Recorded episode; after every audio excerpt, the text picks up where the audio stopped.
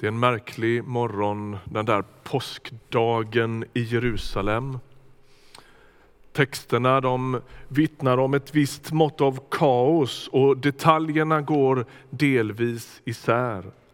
Det är ganska typiskt för det där icke tillrättalagda, för traumat och för chocken och för de där avgörande världshändelserna. När stora saker i historien äger rum, då går delvis en del av de här små detaljerna i vittnesmålen isär.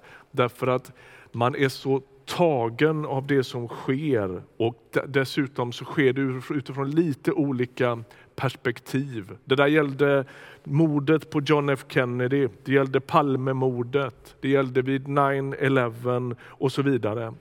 Så här var det. Nej, säger någon. Det var lite på, på det här sättet utifrån mitt perspektiv. Jag uppfattade det snarare så här. Och lite så där känns det när man läser uppståndelsetexterna i evangelierna. Hur var det egentligen? Vem var det som kom först till graven? Var det en kvinna? Var det flera kvinnor? Var det Simon Petrus eller var Johannes med? Det är liksom lite rörigt sådär.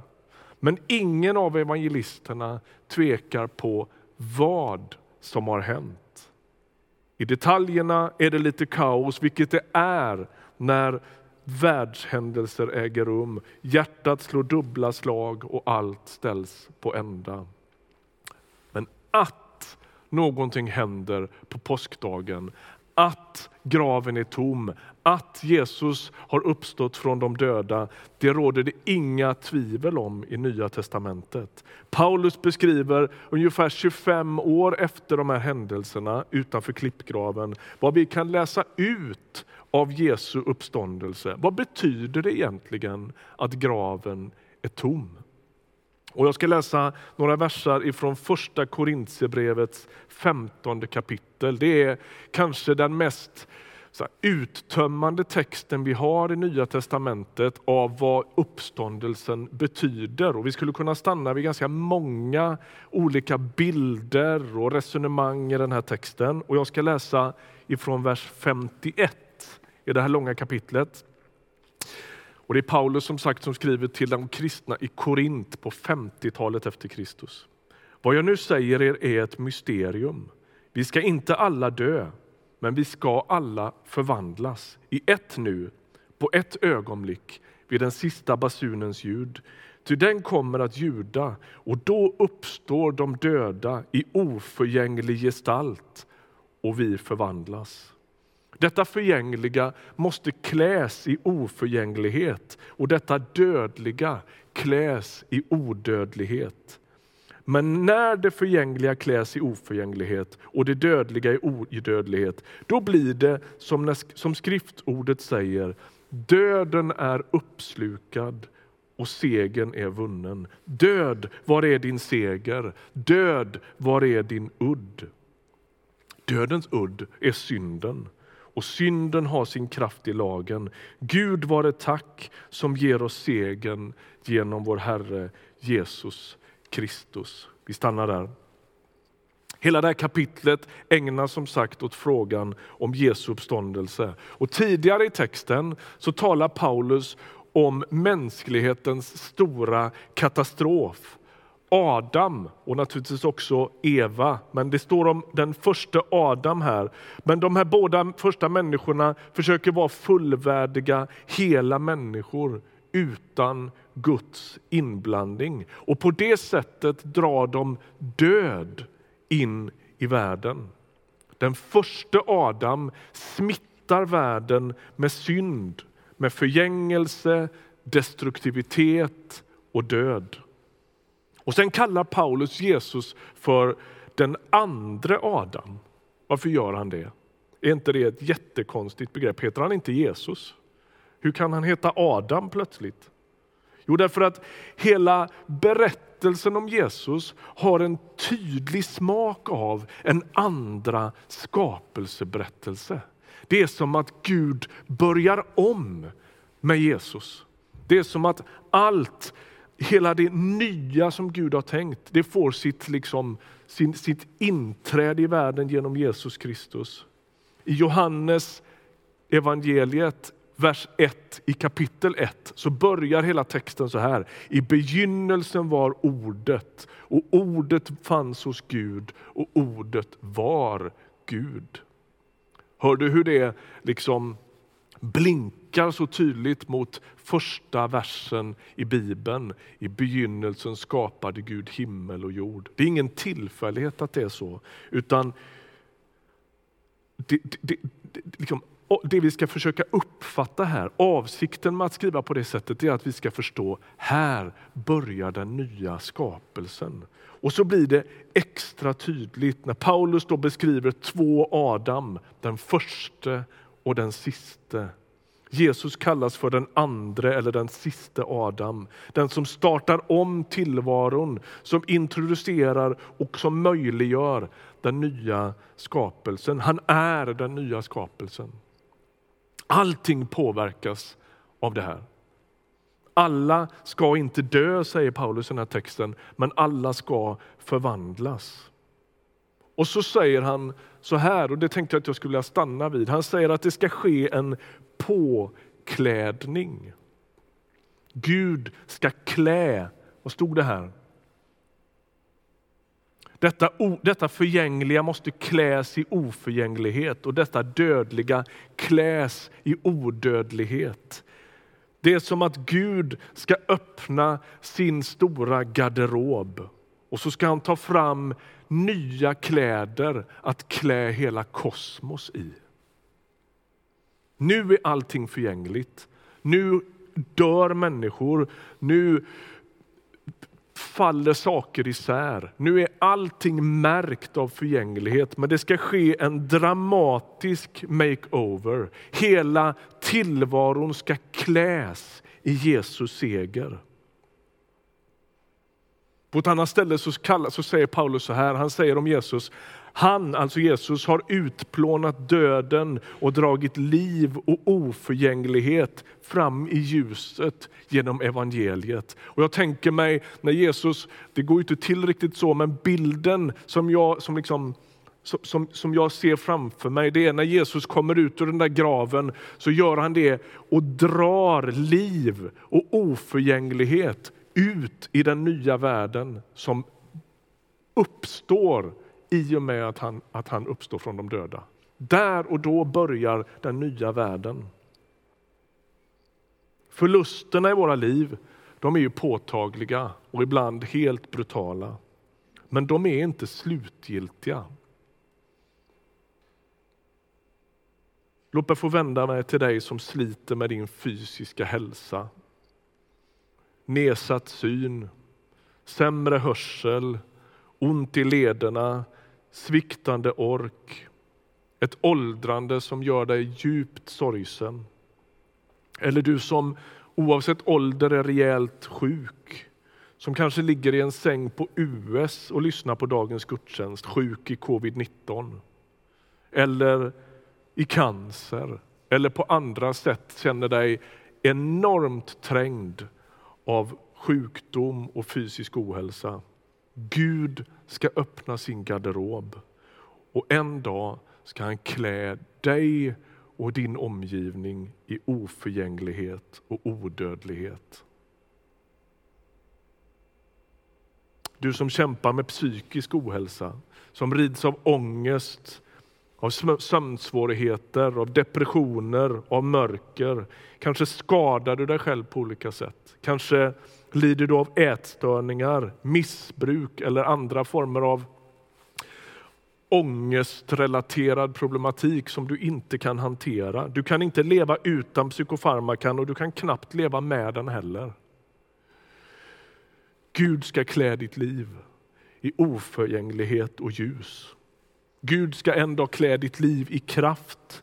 Jag kan inte lova att ditt mörker viker här och nu.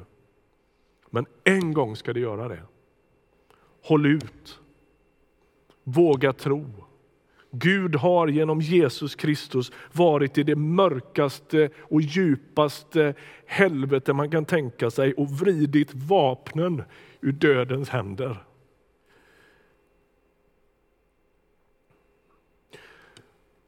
Du som har förlorat modet och hoppet inför klimatkatastrofer och flyktingkriser. Det har liksom slocknat i själen på dig. Inte för att du egentligen är psykiskt sjuk, utan bara för att du är så orolig. Världens status är så hopplöst dålig. Du har förlorat tron, du har förlorat hoppet. Och du tyngs av oro du tyngs av skuld över hur Himalayas smältande isar lägger miljontals människors hem under vatten. Hur tredje världen ständigt drar det kortaste strået. Senast i vaccinracet. Hur ska man leva med alla dessa orättvisor, all denna orättfärdighet? Vet du, påskdagens budskap till dig är, förlora inte hoppet. Gud ska inte bara klä människor i oförgänglighet, utan hela skapelsen, hela kosmos. Han har nya kläder för Himalaya. Han har nya kläder för regnskogen. Skapelsen ska inte kasseras, den ska förnyas. Och att Jesus har uppstått från de döda, det är inte någon liten tankefigur som gör att vi får lite schysstare gudstjänster. Det är garanten för att allt detta ska ske. Där vänds hela världens öde rätt och helgens drama ställer världen till rätta, även om det inte ser ut så nu. Våga tro det. Han ska dra oförgänglighet och han ska dra liv fram genom flyktinglägren i Jemen. Han ska klä trafficking-stråken i Bangkok i nya kläder. Vid ett träd i Edens lustgård gick allting förlorat. På ett träd i Jerusalem helades och upprättades allt. I en trädgård i mänsklighetens början smittas världen med ångest, med mörker och med död. Och I en trädgård utanför Jerusalem så drabbar just den ångesten, det mörkret och den döden Gud själv när han kämpar för människans skull. I en trädgård säger människan nej till Faderns vilja och drar död in i tillvaron. I en annan trädgård säger sonen ja till Faderns vilja och drar liv och oförgänglighet in i tillvaron. Den förbannade jorden vid syndafallet ger törnen och tistlar, står det i Första Mosebok. Av det törnet, tecknet på mänsklighetens djupaste misslyckande, viras en kungakrona då Gud kröns på ett kors för att dra liv och oförgänglighet fram i världen. Allt förändras på påsk.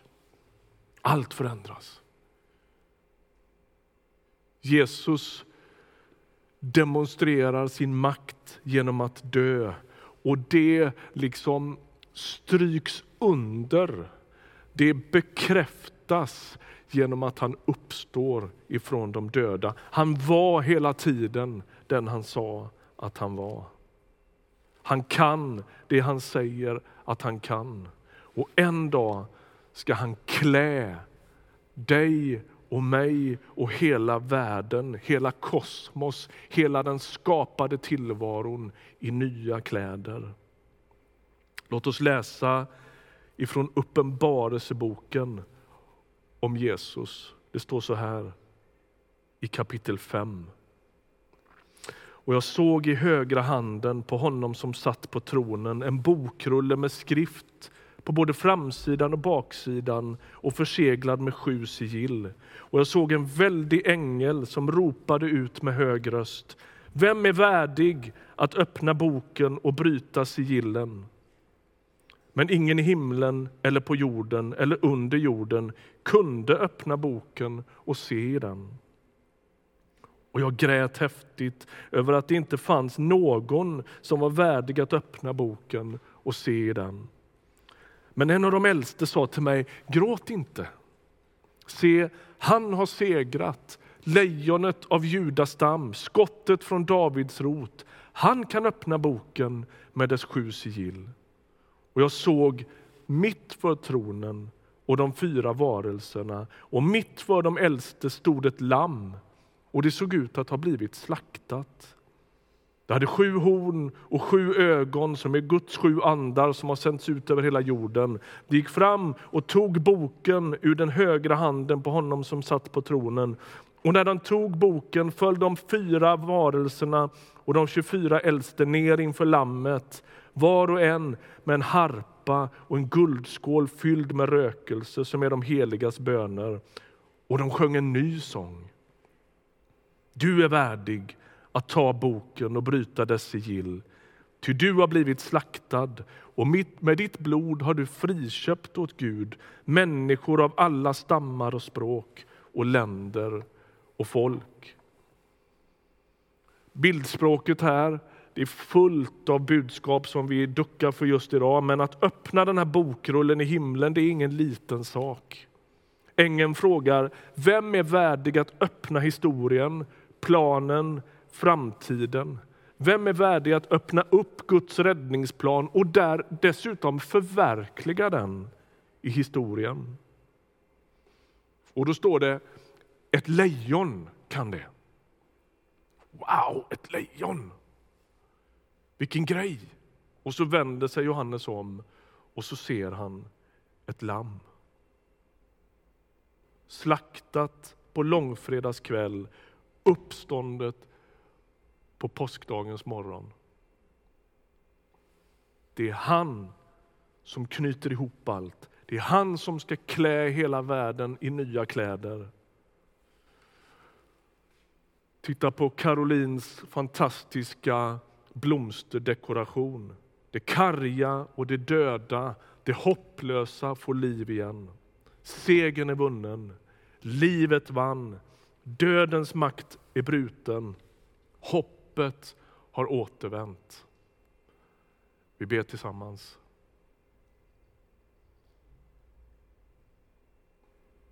Herre, vi böjer oss inför dig. Inför ditt din obegripliga plan. Tack att du inte besegrade mörkret med mörkrets vapen.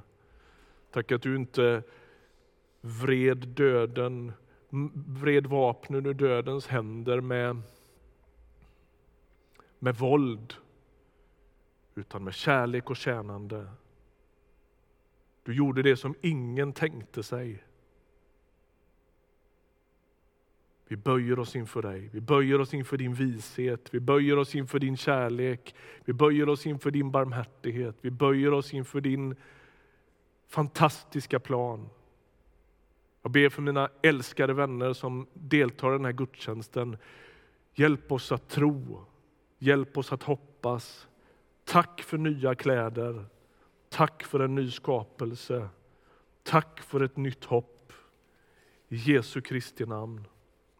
Amen.